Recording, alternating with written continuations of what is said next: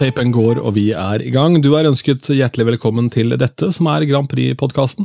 Mitt navn er Ronny Bergersen, og på andre siden av eh, rabalder i dag så sitter Anders eh, Tangen, også kjent som Jesuts Ragnar Otnes. Hva i alle dager?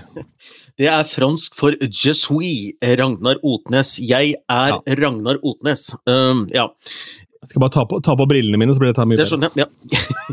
Jeg er Ragnar Otnes. Uh, Jeg er jo ikke det, men nå, nå er det på tide å løfte Ragnar Otnes ut av skyggenes dal og gi han den hyllesten Ragnar Otnes fortjener. Eh, Jeg vet ikke, Du er sikkert for ung til å ha noe som helst forhold til eh, Ragnar Otnes, men hvis jeg nevner TV-slag Det er korrekt. Det er korrekt.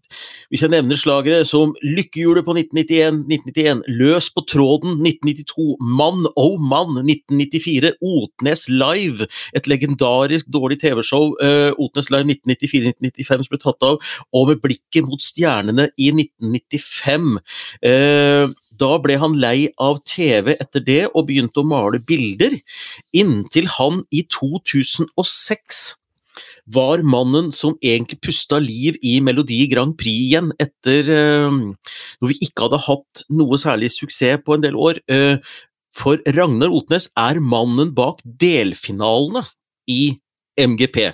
Nå er han sosialkonsulent i i skal vi si, Nordre Aker kommune, eller bydel Søndre Nordstrand. Der er han sosialkonsulent er 63 år gammel og har hatt en karriere som ligner veldig på min. Det er derfor jeg tenker at jeg er Ragnar Otnes. Han starta med litt sånn man on man, og jeg har vært konferansier på Sexhibition på strippeshow i kjelleren på Rockefeller.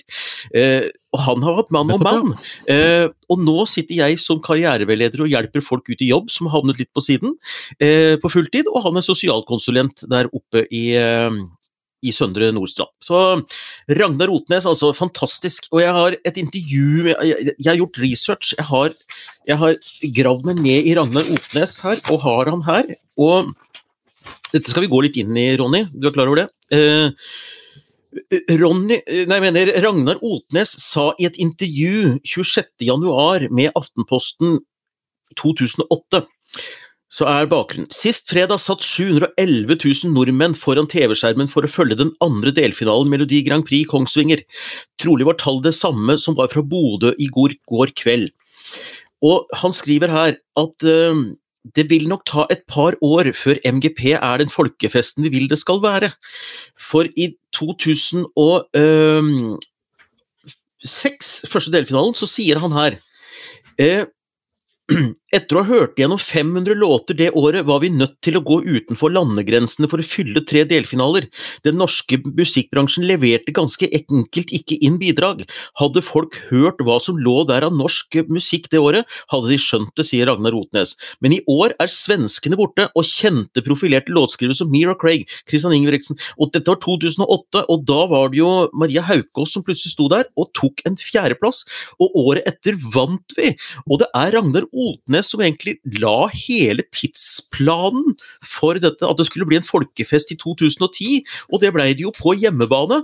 Så Ragnar Otnes, altså sosialkonsulenten i Søndre eh, Nordstrand bydel, eller hva det var, ja, Søndre Nordstrand, ja. Ferdig. Dette liker jeg. oi, oi, oi. Ja, Man må jo få en statue! De gnåler om Per Sundnes og alle disse her. Det er Ragnar Otnes som gjelder. Ja. TV-kjendis, nå leser jeg fra en sak her. TV-kjendis Ragnar Otnes saksøker Arbeiderbladet for injurier pga. et svært fargerikt lesebrev signert NRK-journalist Terje Koiedal. Avsender er Kristoffer Schau. Eh, For dette her er jo samme fyren. Jeg jeg hadde hørt navnet før. og eh, Egil og Kristoffer var egentlig enige om at dette her var jo en tulling. De likte ikke han noe særlig. Så da de skulle spille der med Hurra Torpedo, så sendte de noen andre. Så det var fem helt, helt random folk som sto og spilte for Hurra Torpedo. Uh, eller hvordan var dette? Eller var det Gartnerlosjen med noe maske på? tror jeg? For, nei, Hurra Torpedo, da tissa de på seg. Stemmer det. Da tissa de på seg på, på direkten. Uh, for jo, de hadde jo drakter, sånne lyseblå ja. drakter. Altså, Der er det et eget kapittel der også. Det er jo fra en av disse podkastopplegget til Kristoffer Schou. Men det er jo, jo men Ragnar Otnes var forløperen til Per Sundnes, og disse gutta her var forløperne til Subwoolfer. Så her har du jo hele her er jo hele MGP-historien egentlig wrapped up uten at noen har sett det. Så, at, så, nå har vi altså i løpet av de siste ukene funnet fram både Tore Johansen og Ragnar Otnes. jeg tror den livepodkasten vår kan bli ganske spennende, og kanskje vi har gravd litt dypt, men eh, jeg tenker at uh, whatever it takes. Mm. Jeg tenker at hvis Ragnar Otnes sier ja, så kommer faen meg Kristoffer òg. ja. Nei, men, men, men, men, det er sant, Ragnar Rotnes gjorde en fantastisk regijobb de første årene, altså, og hadde tydeligvis da, når jeg leste et intervjuet, en plan med hele MGP-historien og ville en drive dra videre. Dette var vel da Dynamo eh, som var eh, arrangør og produsent den tida der, og så kom vel Odd Arvid Strømstad på banen da når Norge hadde vunnet i 2009, og da var vel da det virkelig begynte å svinge. Men at Ragnar Rotnes eh, mannen bak Mann og mann og Otnes Live, eh, at eh, ja, at, at, han reiste MGP, det, det, det, skal han ha honnør for. Uh, for all del. Og så har han kunstmaler også innimellom der. Absolutt. Så det er sagt. Ja, og det er ikke gærent, men hva var det han gjorde, sa du? Han var på Søndre Nordstrand? Han er sosialkonsulent. Han, han, driver med individuell ja, oppfølging. Og da tenker jeg som følger... Ja. ja, men da tenker jeg som følger. Altså, Søndre Nordstrand, der er det jo ingen fattige folk, er det det? Koster Nordstrand ikke... er det ikke fattige folk, men på Søndre Nordstrand er det en del av dem. I, ja. Ok, ja. Da er, vi, da er vi nedover. Riktig. Jeg har vært på Nordstrand bare et par ganger. Det ene var da eh, sammen med faren min så besøkte vi en snekker som bare jobba på Nordstrand. Han var bare oppe i Villaveien og snekra, for det var så mye å gjøre. De pussa opp hele tiden. Um, og så var jeg en gang sammen med eksdama mi i parterapi, men det er en helt annen historie, egentlig. Så uh, vi kom litt dårlig ut av det parterapeuten og jeg, for hun starta med å fyre opp masse røkelse. og Så uh, lurte hun på om jeg hadde lyst på te, og det hadde jeg ikke lyst på. Men jeg hadde lyst på kaffe, det hadde hun ikke. Jeg har jo en bakgrunn som gestaltpsykoterapeut. Jeg har også hatt par til terapi like etter at jeg var ferdig med studiene, og det endte med total skilsmisse. Og jeg fikk uh, blomster av dame etterpå, det skal jeg egentlig ikke ta imot, men jeg gjorde det. Jeg var uh, ung og uerfaren. Jeg tok mot blomster, hørte aldri noe mer fra han. Jeg skjønner henne veldig godt. Mm, ja. Uh, skal vi se det, Da var vi ute av blokka her òg, da. Sånn sett. Da er vi i gang. Det trengte jo bare én Ragnar Otnes til, så det var bra. Men skal vi snakke litt om eh, den dagen da vi spiller inn denne poden? For uh, sosiale medier er veldig fullt av markeringer av verdensdagen for psykisk helse. Og det er jo en fin greie at det har blitt en egen dag som Kanskje også de som ikke sliter med det, føler at de kan si noe om det. Og jeg tenker at jo flere som tør å snakke om disse tingene, for dette her er jo en like vanlig sykdom som å ha hodepine eller vondt i ryggen. Ehm, det er jo ikke sånn at eh, det bare er eh, gærningene som blir deprimert lenger. Nei da, og jeg eh, skrev sjøl en eh, tekst på Facebook i dag som jeg ser har tatt helt av. Det er liksom veldig mye, har truffet en nerve, visstnok. Hvor jeg bare sier noen ting om at eh, jeg er han som av og til har satt meg utenfor for sikkerhets skyld. Altså utenforskap er jo eh, tittelen på årets, eh, eller tema for verdensdagen for psykisk helse.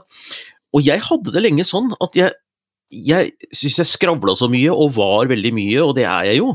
Jeg kunne bombe det i seg selv. Men, men, det var lenge i ungdommen litt sånn skamfullt at jeg var så veslevoksen, og jeg knekte jo aldri partykoden. Jeg gikk ikke ut og dansa, jeg drakk ikke alkohol, var ikke med på fylla, så jeg sneik meg ut av festen før det begynte å dra seg til. Da hadde jeg liksom vært der, og så kunne jeg dra hjem, ikke sant. Så jeg følte meg aldri hjemme i det, men så plutselig så kom jeg inn i dette Grand Prix-miljøet, og og der, for å si det rett ut, der traff jeg jo andre som meg selv, da.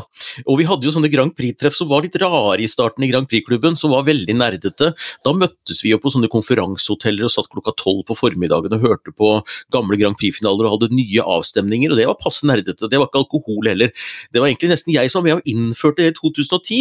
Og da hadde jeg vært gjennom litt sånn gestalt terapiutdannelsen og blitt kjent med meg sjøl på nytt. da. Så jeg er jo ikke der nå lenger, men jeg ville bare skrive noe om det. at at jeg satte meg utenfor for sikkerhets skyld veldig lenge, for da slapp jeg å dra til den festen og bli avvist på festen. Det var mye bedre å si nei til invitasjonen da, og bli hjemme, og så kan jeg sutre litt over det. Nå er jeg ikke sånn så mye lenger, men jeg kjenner av og til så tikker denne gamle Anders inn, hvor jeg liksom får lyst til å si nei til invitasjoner. Bare for sikkerhets skyld. Så det er jo litt kjipt, men i Grand Prix-miljøet så er det ganske mange ensomme sjeler. Ja, Nå snakker vi veldig seriøst. her, Jeg bare slo meg nå at jeg er veldig glad for at ikke du heter Erik. For gamle-Erik er vel jævelen sjøl? det er det.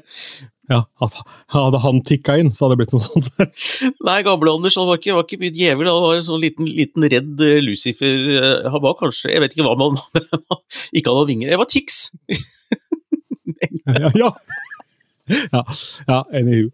Nei, men ja, han også, apropos Tix, da, han uh, fikk jo på en måte uh, en eh, ny vår hos veldig mange da han åpna seg med sine problemer Uh, og de tingene der, da, istedenfor å bruke forsvarsmekanismen som på en måte var bare å øse fram med det han var god på, og holde på å tjene penger, så valgte han jo da å blottlegge seg. Eller han måtte vel egentlig det, for å ha noe i Grand Prix å gjøre, kanskje. Um, til en viss grad, i hvert fall, vil jeg tro, for å få appell bredt bredt Ja, det er en lang historie det der, og eh, det, det, eh, Grand Prix-forskere og sosialantropologer kommer nok til å gå dypt inn i den materien 2021, hvor vi hadde altså kampen mellom Eurovision-heltene eh, Keiino mot folke- og rølpehelten Tix. som sto der. Det var altså en kulturkamp eh, på TV den dagen, og jeg tror det var mye identitetsgreier som spilte inn hvorfor det ble så betent. For eh, de som skulle like det ene, skulle ikke like det andre. Det, det ble veldig sånn veldig rar greie. Eh, så hva Tix gjorde og ikke gjorde for å Men jeg tror i hvert fall at det var et, et gunstig tidspunkt for å forklare noen ting om karakteren bak Tix. For jeg skjønte aldri det. Eh, så han fikk i hvert fall den arenaen gjennom det til å skjønne at han har sine Tix, og det er bakgrunnen for det. Og i den videoen hvor han tar av seg dette båndet, hvor han ikke er Tix lenger, og så tar han det Eller jo, han tok det på seg ja, han ble mobba da, som barn, ikke sant? men så begynte han å eie seg selv på en flott måte, og det er jo et viktig budskap. Men egentlig, og det slår meg nå, når Keiino har gitt ut singel i dag, eh, altså på, på mandag kveld, da, eh, Monument i eh, i en uh, akustisk versjon, og der går pengene til mental helse. Fordi budskapet der er jo også at vi er alle monumenter i hverandres liv, da, ikke sant. Og, og, og det er alltid viktig at det er noe som skal stå igjen etter oss når vi blir borte, og det er noen sånne monumenter. Så jeg tror at ethvert menneske betyr noe for en annen. Jeg fikk en veldig hyggelig melding etter dette jeg hadde sendt i dag, for de var det var en som satte så veldig pris på at jeg hadde invitert han på en øl før jeg skulle på noe Grand Prix-greier. Eh, Jeg har ikke tenkt så veldig mye over det, men jeg syntes det var veldig koselig. Og jeg syntes veldig koselig at han sa ja. Eh, Og det er, eh, det er sånne små ting som betyr noe, da. Som kanskje står igjen som et bitte lite monument. Rett og slett. eh, Og jeg henger meg på den. Ja. Det er jo det beste foredraget jeg har vært på hele mitt liv, var med skal jeg prøve å si riktig her, Jørgen Skavlan, broren til Fredrik. eh, Som før han eh, Bergland begynte å bli så populær, var Norges mest populære fastlege. Jeg hadde kjempelang venteliste, reiste rundt og sa det at da folk kommer inn på mitt kontor, eller når folk kommer inn på mitt kontor, så har de et ønske om én av to ting. Kanskje begge. Det er da en diagnose og en resept. Mens veldig mange trenger egentlig å ta den ølen med Anders eller med en annen kompis. ikke sant? Eh, Men han kan ikke drive og skrive ut resept på å ta en pils med en kompis.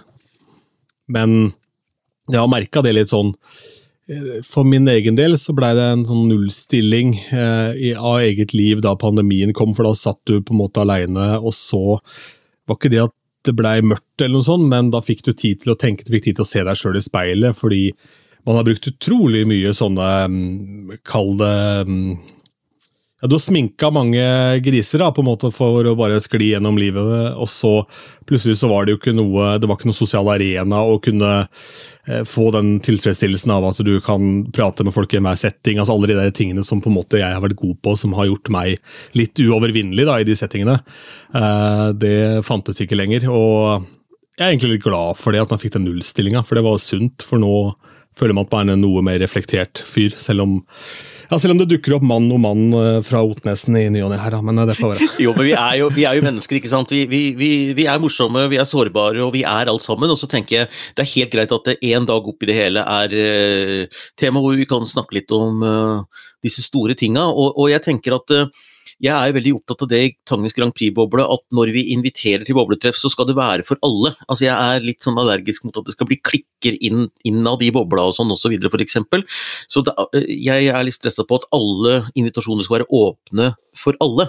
For uh, det er nok noen som kjenner at det er en kul gjeng i Grand Prix-miljøet, og så er det en ikke så kul gjeng, og så er det noen som er sånn og noen som er slik.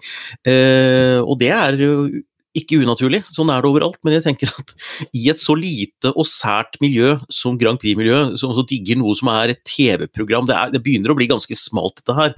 Og når vi da har det til felles, så får vi jaggu meg prøve å se hverandre i hvitøyet og være rause med hverandre innafor det miljøet, tenker jeg. Eh, enten du kommer fra Eurovision Norway, fra Esk Norge, fra Grand Prix-klubben eller eh, Esk Norge, eller hva det er for noe, ikke sant. Og stort sett så er det sånn, men eh, jeg er i hvert fall opptatt av at vi er obs på da, at, eh, at vi ikke støter ut noen i det miljøet.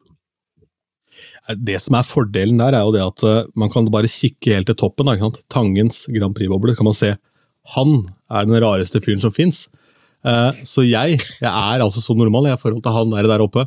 Det er, det, er, det er, sikkert sånn de holder på det som gir penger til Visjon Norge òg. Han er klin kokos, han er Hannevold eller Ja, så det er klart at når, når, når, du står på Ramsdal-konserten og hører på Stumpa, så er det jo lagt en standard, da. Det er nettopp det du har gjort, vet du. Eh, så eh, jeg tenker det at, det, at, dette er noe du gjør da for at andre skal føle seg vel. Ja. At de skal ha det bedre. At du Finner bare på. At du står der du Egentlig bor i en sånn stor gjestegård med stort entourage rundt meg, og jeg, jeg har eh, svømmebasseng i hagen og gjør alt helt perfekt. Men jeg lager en karakter, da. Jeg er triks. Jeg har en karakter. Mm. Ja. Ri mye på hest Anders Tangen finnes ikke, han er bare funnet, funnet på. ja. Det er sånn Truman-show. Men la oss eh, snakke om eh, noe som er håndfast, og det er strømmetall. For det går jo så det suser for Rosalind. Eh, nå har hun passert Rybak, så nå er hun da den tredje mest strømma Eurovision-låta ever. Vet du hva, Jeg syns at det er eh, på en måte så gøy. Eh, jeg sier bare på en måte, fordi det er jo litt sånn eh, Vi kan egentlig bare slutte å ha avstemning, da. For det, er litt sånn, det spiller ingen rolle hvem som vinner, eller om du kommer på 20.-plass, fordi 20.-plassen kan bli vinneren. Men så er det jo noe vakkert ved det også. og jeg tror at det kan løfte noen, for det er nok en del store artister særlig som har vært redd for å være med fordi de er redd for å komme på tiendeplass, men så gjør ikke det noe, da. Det er det dette her viser. Ja, det er det jeg mener også, at jeg tror det kan åpne en dør som ikke man kanskje har sett før, i og med at man nå er drevet så hardt av sosiale medier, og da med disse reelsa på Instagram og TikTok som det aller villeste, som er jo sånne vanvittige algoritmer. Altså, Jeg kan legge ut video filma med mobilen min hvor det knapt hører hvilken sang som spilles av noen som danser noe tull, og så får jeg 5000 visninger. ikke sant? Det, det, gir jo ikke noe mening. Det er 5000 mennesker, kan ikke se på det. Men tror du at låta til Snap eller låta Snap, mener jeg, låta til Rosalind, hadde vært like stor uten Eurovision? For det er jo ikke interessant. Den hadde definitivt ikke vært så stor uten TikTok, men hadde det holdt med TikTok, tror du? Eh, hvis den hadde klart å få penetrering i markedet, men det hadde den vel ikke? Hvorfor i helvete skulle vi vite hvem henne var? Fra Armenia, var det ikke det? Ikke sant? Altså, Vi hadde jo aldri, altså, aldri i verden om den hadde nådd ut, hvis ikke det hadde vært for at den fikk den arenaen. For ellers altså, Den må jo ha et grunnlag, den må jo inn på noen lister for at noen skal se den. For det er jo ikke sånn at folk sitter og saumfarer. Det gis ut jeg tror det er strikka, Jeg lurer på om det er 26 000 sanger om dagen ja, på Spotify. Eh, det, er, det, det illustrerer ja. en sånn liten teori jeg har som jeg et rart navn. Jeg kaller det forankringsskrueteorien. Forankringsskrueteorien. Eh, hvis, hvis, du har en, ja, okay. hvis du har en leilighet med gipsvegger når du skal henge opp noe på den, så kan du ikke bore vanlige skruer, for det, det, da, da, sprekker det, det bare, blir bare støv. Så det er sånne skruer spesielt som du borer et hull, og så putter du inn en sånn metall, en plastings, og så skrur du inn en ekspansjonsskru, heter det. Og når du skrur den inn, så må du komme deg gjennom veggen, og så utvides den på baksida, og da sitter den fast i veggen. Og det er litt sånn med sånne låter som er med i Eurovision. Eurovision er på en måte sånn boret. Det er det som gjør at du når gjennom muren av låter og impulser, og så forankres det når du har kommet gjennom, da, da sitter det fast. Var det bra? De, de gjør ikke nødvendig de gjør ikke, Ja, veldig, jeg likte metaforen, men de gjør ikke nødvendigvis det. Det må jo være da det må, jo være, det, altså, du må fremdeles ha flaks, fordi eh, det tallet jeg ga deg, det var lavt for øvrig. Det er over 60 000 låter om dagen som blir lasta opp Ja. på Spotify. Uh, så av alle disse 60 000 låtene, da, så håper jo alle at de har den beste sangen i verden. Eller det er sikkert noen som bare legger opp ting på, for tull òg, men jeg har jo sett en, en god del mailer da, fra forskjellige folk opp igjennom som sender til en radiokanal. Og veldig mange av de har jo, det er jo så lite selvinnsikt det er mulig å få det. ikke sant? Eh, fordi mammaen deres syns den sangen er fin. Um, og mamma kom også på konserten. Men det var bare mamma. Jo, jo. Eh, så det er, jo, det er jo rett og slett det at du må ha en porsjon flaks, og så må du da eh, ja, komme deg da, For det første så må du komme deg til Eurovision, for det andre så må du da ikke gjøre deg bort der, på et vis. eh, Og så må du ha en låt som, som er eh, Ja, la oss bruke en floksel, da, som er snappy nok Ja. til at den kan bli da en, en hit der. Nei, jeg tenker også på at det, det er liksom Mammaen kommer på konsert, altså det, det holder ikke det så sant det ikke er Katrine Synnes, som er en sånn uh, bransjedame som driver med eksport av musikk og uh, direktør. Så mm. Ja, det er nettopp det. Det bør helst være det, eller så bør det være noen som er Stinna-gryn, og som bare kan kjøpe en eller annen plass et eller annet sted. Jeg har forresten fortalt om den mest, eh, mest omfattende pressepakka jeg noen gang fikk eh, som musikksjef i Radio Metro. Nei. Nei, det var, eh, var en sånn Så ut som et DVD-cover som du åpna opp, så var det en liten bok med filmer inni. Eh, og så var det da musikk, det var en, også en USB i den, så du plugga i enden. da. Så fikk du en plate. Og det var en helt sånn vanlig trøndertype. Eh, som spilte noe kassegitar, sånn, litt sånn countryrock. Eh, og jeg tenkte, hva i alle dager, det her må jo koste sånn 500-600 kroner per liksom, utsending, pluss porto.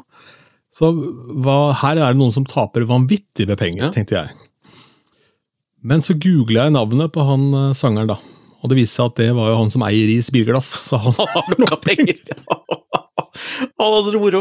Eh, Jeg må jo da vise fra min lille skuff her eh, Dette er bildet, da, men du, du ser det. Du kan eventuelt beskrive det. Dette er altså et eh,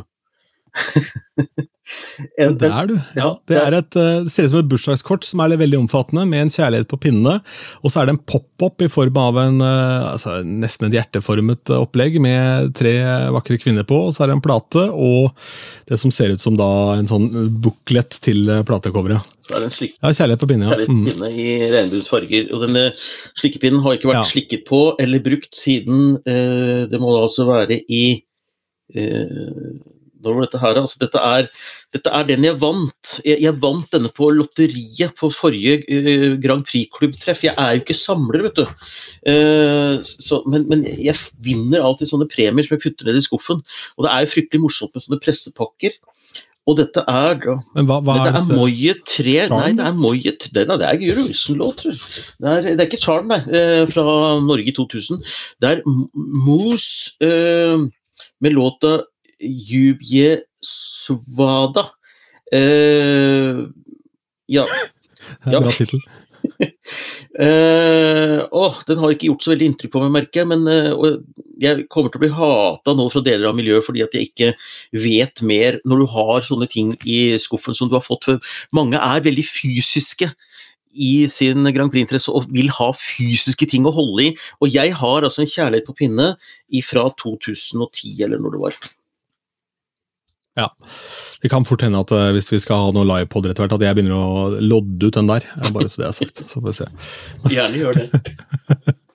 Ja. Eh, For det er jo litt artig med sånne ting som det på en måte ikke er eh, mulig å gå og kjøpe på butikken.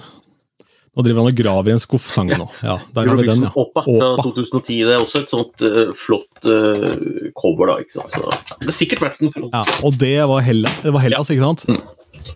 Ja, For det bringer meg over til noe jeg oppdaget her. skjønner du, Tangen. Ja. Eh, Jeg skal bare forsikre meg om at jeg er ferdig med da eh, verdensdagen for psykisk helse.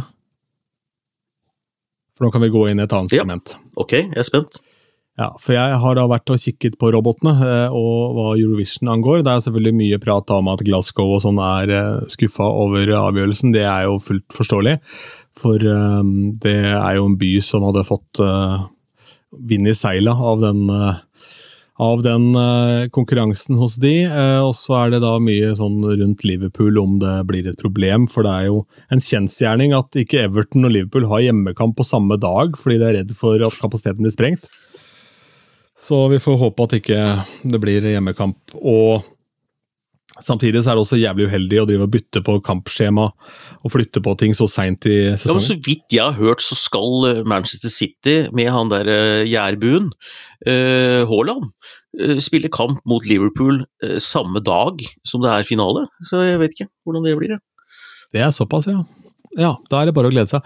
Uh, den er grei. Men det vi da også kanskje kan glede oss til, er vi får se, men det er jo da at uh, Jeg vet ikke hvilket forhold du har til Love Island, programmet altså? Verken dårlig eller bra, jeg har aldri sett det. Litt spent på linken din her nå. Ja, for det er da en jente som eh, heter Skal vi se Antigoni eh, Buxton, som da har vært med i Love Island UK. Som har sendt inn ikke bare én, men tre låter til eh, denne TV-kanalen i Hellas, eh, for å da prøve å bli deres eh, Eurovision-deltaker. Og jeg kan vel si det sånn at hvis hun får en låt som er i noenlunde samme landskap som Spanias låt i år, så kan det bli en del visninger på YouTube her, altså. For dette er jo en jente som eh, Ja, hun er jo sprek, da. Ja. Uh, og så var jeg inne og hørte på noen av låtene hennes, for hun driver da Hun er vel basically en sånn hva skal vi kalle det for noe? Hun er en sånn medieperson. for hun driver med alt mulig rart. Det er liksom litt, uh, litt TV her, og så er det litt uh, sang der, og så er det litt blogging, og så er det litt ditt og litt datt. Ikke sant? Uh, men det er nå så. Men hun har blitt en kjendis, i hvert fall borte i UK, og um, har da gått all in og sendt uh, eller tre låter da, til den greske allmennkringkasterne for å prøve å bli deres uh, deltaker. Så jeg skal ta legge en link til musikken hennes, her, så man kan ta og høre på de låtene som Men hun studerer ikke medisin? Nei, det var det jeg tenkte. Det er jo en voldsom kontrast. Det ikke at ikke Amanda Tenfjord er flott å se på, men hun Det er fra Love Island. fra legestudiet til Love Island. ja, nei, jeg, jeg veit hva jeg foretrekker. Eh, jeg satt i går og satt og så på dette Ja, nei, jeg, han får tåle det, han får tåle det. Jeg satt i går og så på 71 grader nord. Så satt jeg så, sa jeg til Kristin, kjæresten min, så sa jeg at hvem er han? Han har aldri sett. Kjemperar fyr. Han har sånne rare tenner. Eh, litt sånn apeaktig altså Det er liksom sånn, han, han, det er tenner med noe hud rundt. Hva er dette her som menneske, liksom? Og det var visst en eller annen som hadde vært med i Ex on the Beach, og, er, og da sto det under TV-personlighet, sto det på han, og, eh, og, så måtte jeg google etterpå, han heter Kristoffer et eller annet, Lillehov, Lillehovde eller et eller annet sånt, og da, da, var det en eller annen. Og, og, det han har gjort seg kjent for, det er at han stort sett har lagt ut ting om disse her tennene, hvor han har vært i Tyrkia og og fått på disse her eh, tenna, da. Og, og, og, jeg følte meg så slem som satt og la merke til det, men han har vel laget dem for at folk skal legge merke til dem, da, men, men, men eh, Nei, det, det, det, jeg måtte bare si det. Altså, han laget apetenner? Nei, det er ikke apetenner, det, det, er min tanke, men, men det var bare Han var liksom tenner. Altså, det, det, han syns vel det var fint. Han er vel en sånn kjekk fyr, men med sånn der eh, sånn, sånn som hvithai, da. Eh, og med litt sånn fillers på eh, andeleppene rundt. Så det var en full zoologisk hage i en person som satt der. Så det var eh, det var veldig rart. Mange dyr i én person der, altså. Så det var eh, Nei, jeg, jeg, måtte bare få sagt det, for jeg blir veldig sliten av disse her Apropos psykisk helse. Liksom, folk får være sånn de er. ja. Det der var jo veldig ubehagelig for mange, du, fordi eh, Niklas Baarli er jo en god venn av meg, og han var jo i aller høyeste grad TV-personlighet eller mediepersonlighet en periode. Han var jo med på absolutt alt. Men den store forskjellen var at Niklas var opplyst, så han visste hvordan verden fungerte i tillegg, og det var meget ubehagelig for mange. Ja, det. for du forventa at du skulle være helt blåst, ikke sant? og så veit du på en måte litt om hvordan verden funker i tillegg. da. Uh, men ja, nei, Jeg husker okay. Niklas Baarli, han, han leda jo til og med et sånt valgshow han, i en eller annen valgkamp hvor det skulle prøve seg sånne folkemøter, hvor Niklas Baarli var programleder. Så han hadde jo, når du får den tilliten, så har du jo uh, et eller annet omløp uh, i hodet. Absolutt, og da kan jeg jo legge inn at jeg er meget stolt av at han var praktikant under meg. Den første praktikanten jeg hadde under meg noensinne i Radio Drammen. Så starten på hans karriere var at han sto med en nissedrakt i en rundkjøring eh, på Strømsø i Drammen, og hvis du fant han, så fikk du en sexpack med cola eller et eller annet. Det var topp. Ja, ja. Nei, jeg hadde Are Kalve som praktikant, jeg. Ja. Så vi har alle vårt. eller, eller, ja, ja, så har jeg, jeg, jeg, jeg, har fått tilsett en av låtene som skal være med i MGP 2023. Jeg bare, jeg bare, bare, bare slenger det ut her, jeg. Ja. ja. Nei, jeg, har hørt en av låtene som skal være med. Uh, jeg tror ikke den vinner, men den kommer til å ta av. Uh, det kommer til, kommer til, å bli gøy i salen, altså. Det er, uh, det er sånn derre hvis, hvis, du hører for deg hvordan en sånn, sånn Euroclub eh, Grand Prix-låt skal være, hvor du, hvor du bare er eh, Det er akkurat sånn du forventer det skal være. Eh, jeg savna litt melodien i den. Det er igjen dette her som jeg syns har vært gjennomgående i mange av de jeg har hørt, at de er litt sånn utydelige. Da. Så jeg, eh, men det var, det var gøy. Eh, så det, det, det er i hvert fall én låt nå da, som kommer til å ta helt av i salen. Det skal sies at innenfor på en måte house er ikke det helt uvanlig at melodien er litt borte om dagen. for Det er veldig, sånn, det er veldig drevet av basslinja, egentlig.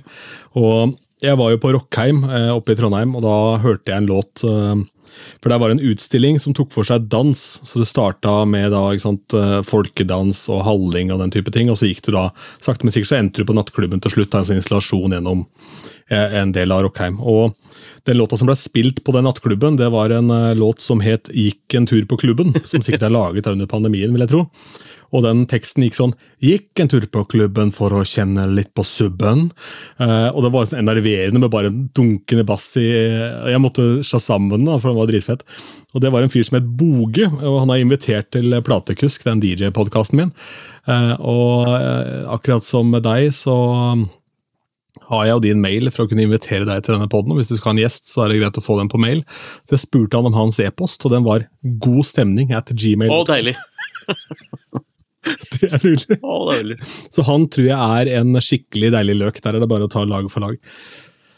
Det er bra. Men uh, Så dette, dette, er noen du kjenner, altså, som har sendt deg en låt? Jeg, jeg, altså, de, de, har mailadressen din, i hvert fall. Og, og, det er jo litt sånn som jeg har sagt før, det er jo kilder. ikke sant? Og jeg har jo holdt med dette her i noen år nå, så det er jo uh, Kanskje det er noen som syns det er litt gøy å få litt spekulasjoner rundt låten sin, og noen vil bare ha en sjekk. Eh, og det er jo det er ikke noe forbudt i det. Eh, så lenge jeg ikke lekker det videre eller offentliggjør det, så er det jo eh, Låter sirkulerer jo i et miljø. Så det, det, Ingen som har gjort noe gærent. Ingen som har gjort noe gærent. Men, men jeg har hørt en hørt én låt, ja. Så det er Det var ikke noe som bare dumpa ned. Det er jo liksom sånn, ja.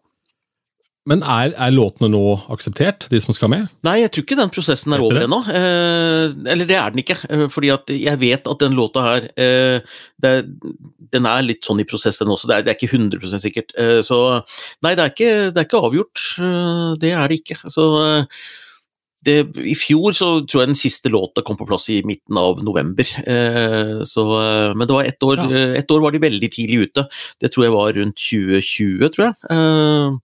Da var låtene klare veldig, veldig tidlig. Så da kunne man slappe av. Men ja. uh, du, du, du, det er litt sånn Men, Som låtskriver, da. Hvis du, hvis du ikke har fått et avvisningsbrev, så er det veldig veldig godt nytt. Fordi at uh, de, de, pumper ut sånne automatiske brev uh, til de som ikke er med. Så hvis du ikke har hørt noen ting, så er du fortsatt med. Og jeg har ikke fått noe avslagsbrev ennå, så det er spennende.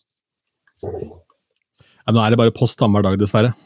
Ja, det er det, men uh, brevet kommer i, mail, kommer i mail, da. Men, uh, ja, det kom på e-post, ja, greit. Ja. Det er kanskje hver dag fremdeles. Ja, bra nett. Mm. Uh, apropos det, så så jeg da, mens jeg gravde meg til bunns her i Google på Eurovision-søk, så jeg måtte jo grave litt dypt her i og med at vi har hatt så mange bonusepisoder, så det var litt kort tid å kikke på. Men BBC har lyst ut en stilling Uh, hvor de da søker en performance producer for Eurovision Song Contest 2023. Uh, eh, og BBC Studios are looking for an experienced performance producer to help create a number of large-scale performances uh, for the live shows of next year's Eurovision Song Contest. Så tenker jeg lys, det her må vel være en sånn symbolsk utlysning? De må jo ha den ja, det, det, personen på plass? Ja, dette var veldig gøy. Det er liksom litt sånn der, eh, Du kunne like gjerne søkt etter artist og programleder. Eh, Ja, men Det var spesielt, men det var, kanskje det er gøy? Kanskje det kommer noen helt uventa? Jeg tenker Ragnar Rotnes, det kan hende han er litt lei av å være sosial, sosialkonsulent oppe på 17. Ja. Nordstrand. Så søk da vel, Ragnar! Kom igjen! The Team Ja, kjør da, Ragnar. Eller hva med han, eh, han eh, andre du snakka om? Han eh, Johnsen? Eh, hva het han? Eh, Han fra juleferge, holdt jeg på å si. Han, eh, ja, ja, ja, ja, ja, Tore Johansen, ja. Tore Johansen. Tore Johansen. Ja, ja, ja. Han må også søke. Selvfølgelig. Ja, selvfølgelig. Kan jeg få fra CV-en eh, kan få sånn eh, attest fra oss. Eh, men the team is now looking for eh, a producer who is used to working with creative directors to shape eye-catching, memorable performances. Yes. Det var, det var veldig gøy å, å se dette her utlyst som en sånn, sånn formell stilling, litt sånn på navsk. Altså dette var Eurovision inn Ja. i Nav-systemet. Ja, absolutt, jeg er helt enig. Det var jo veldig pussig. Jeg skal kikke gjennom Eh, BBC min. Sounds, da. Som sagt, dagjobben min er jo ved siden av eh, show og foredrag og sånt, og så er det jo å jobbe med å få folk ut i jobb eh, på vegne av Nav, så jeg kan jo et Nav-system, Så jeg, skal kikke gjennom portefolien min og se om det er eh, noen vi kan pushe inn i den stillingen der. Eh, det kunne vært ålreit. Eh, BBC de har også kommet med en liten nyhet nå som er litt rar for oss, men da Ragnar Rotnes kom med delfinaler i 2006, så, så gikk jo delfinalene på fredager. Første året. Tror andre året også, så gikk delfinalene på fredager, og så var finalen på lørdag i Norge. Sånn har det vært i Eurovision i England også. De har vist eh, delfinalene på tirsdag og torsdag på BBC3, og så har de sendt finalen på BBC One, selvfølgelig. Nå i år så flytter de alt sammen til BBC One fordi eh, de begrunner det da med at det er på vegne av Ukraina. Eh, jeg skjønte ikke helt den begrunnelsen, fordi dette er jo internt i Storbritannia at de skal sende det på eh, Prime-kanalen. Men eh, det er nå en nyhet. Jo, men det- er for å bevisstgjøre flere, bevisstgjøre flere briter om krigen du, og elendigheten. Sånn, ja. ja. Mm, nettopp. Ja, men det er en fin ting. Og eh, For dette er jo, dette er jo dette er et land som stemte for brexit, ikke sant? så vi har jo litt opplysningsjobb å gjøre her òg. Og da tenker jeg at eh, for Eurovision sin del, da, så kan det være en fordel at de etablerer det på hovedkanalen.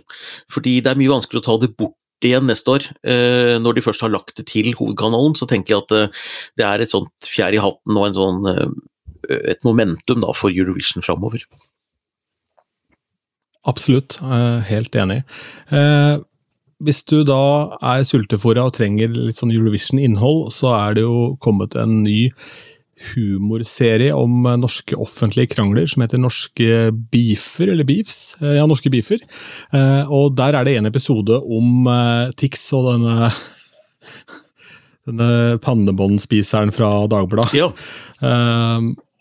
Så den er det bare å sjekke ut, men ellers er det sikkert noen andre litt artige varianter der også. Jeg har fått bra tilbakemelding i hvert fall, den serien. Jeg har ikke sett den, ja, men det er jo veldig gøy Jeg synes det er veldig gøy at Eurovision og MGP sniker seg inn i alle mulige sånne settinger som eksempel på noe som er litt større. Da.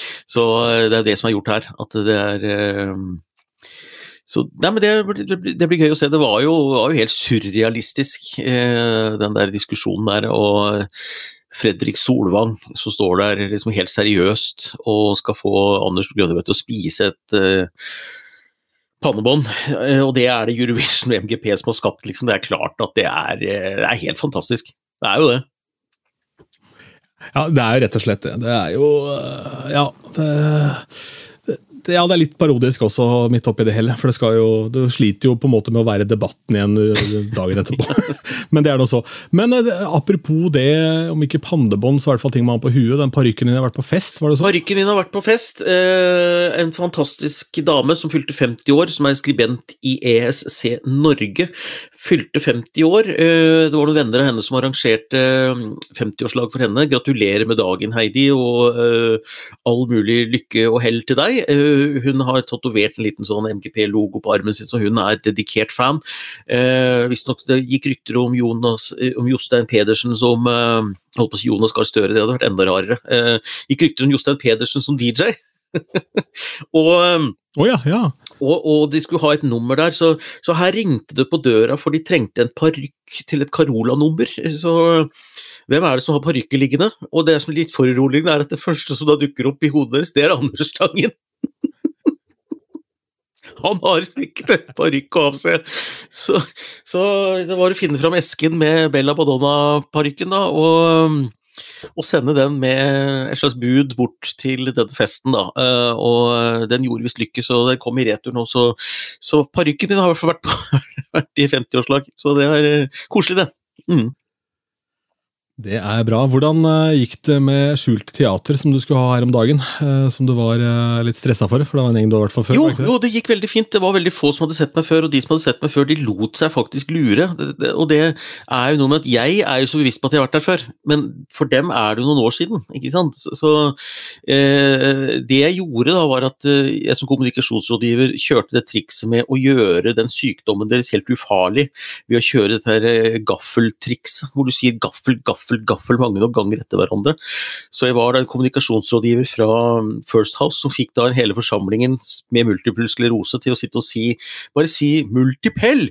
Sklerose, sklerose, multiple så, så, det ble sånn hvor de, hvor de satt og sa sykdommen sin for å gjøre det sånn Gjøre det liksom sånn bare meningsløst, da, for hvis du sier ordet mange nok ganger, så blir betydningen borte, og da tenkte jeg liksom at da blir sykdom mindre farlig.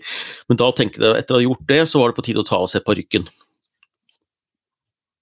Det jeg også tenker, er at de som da er i denne bobla og føler seg litt rar, de tenker på han på toppen, Tangen. Han er fremdeles enda rarere enn meg. Takk for oss.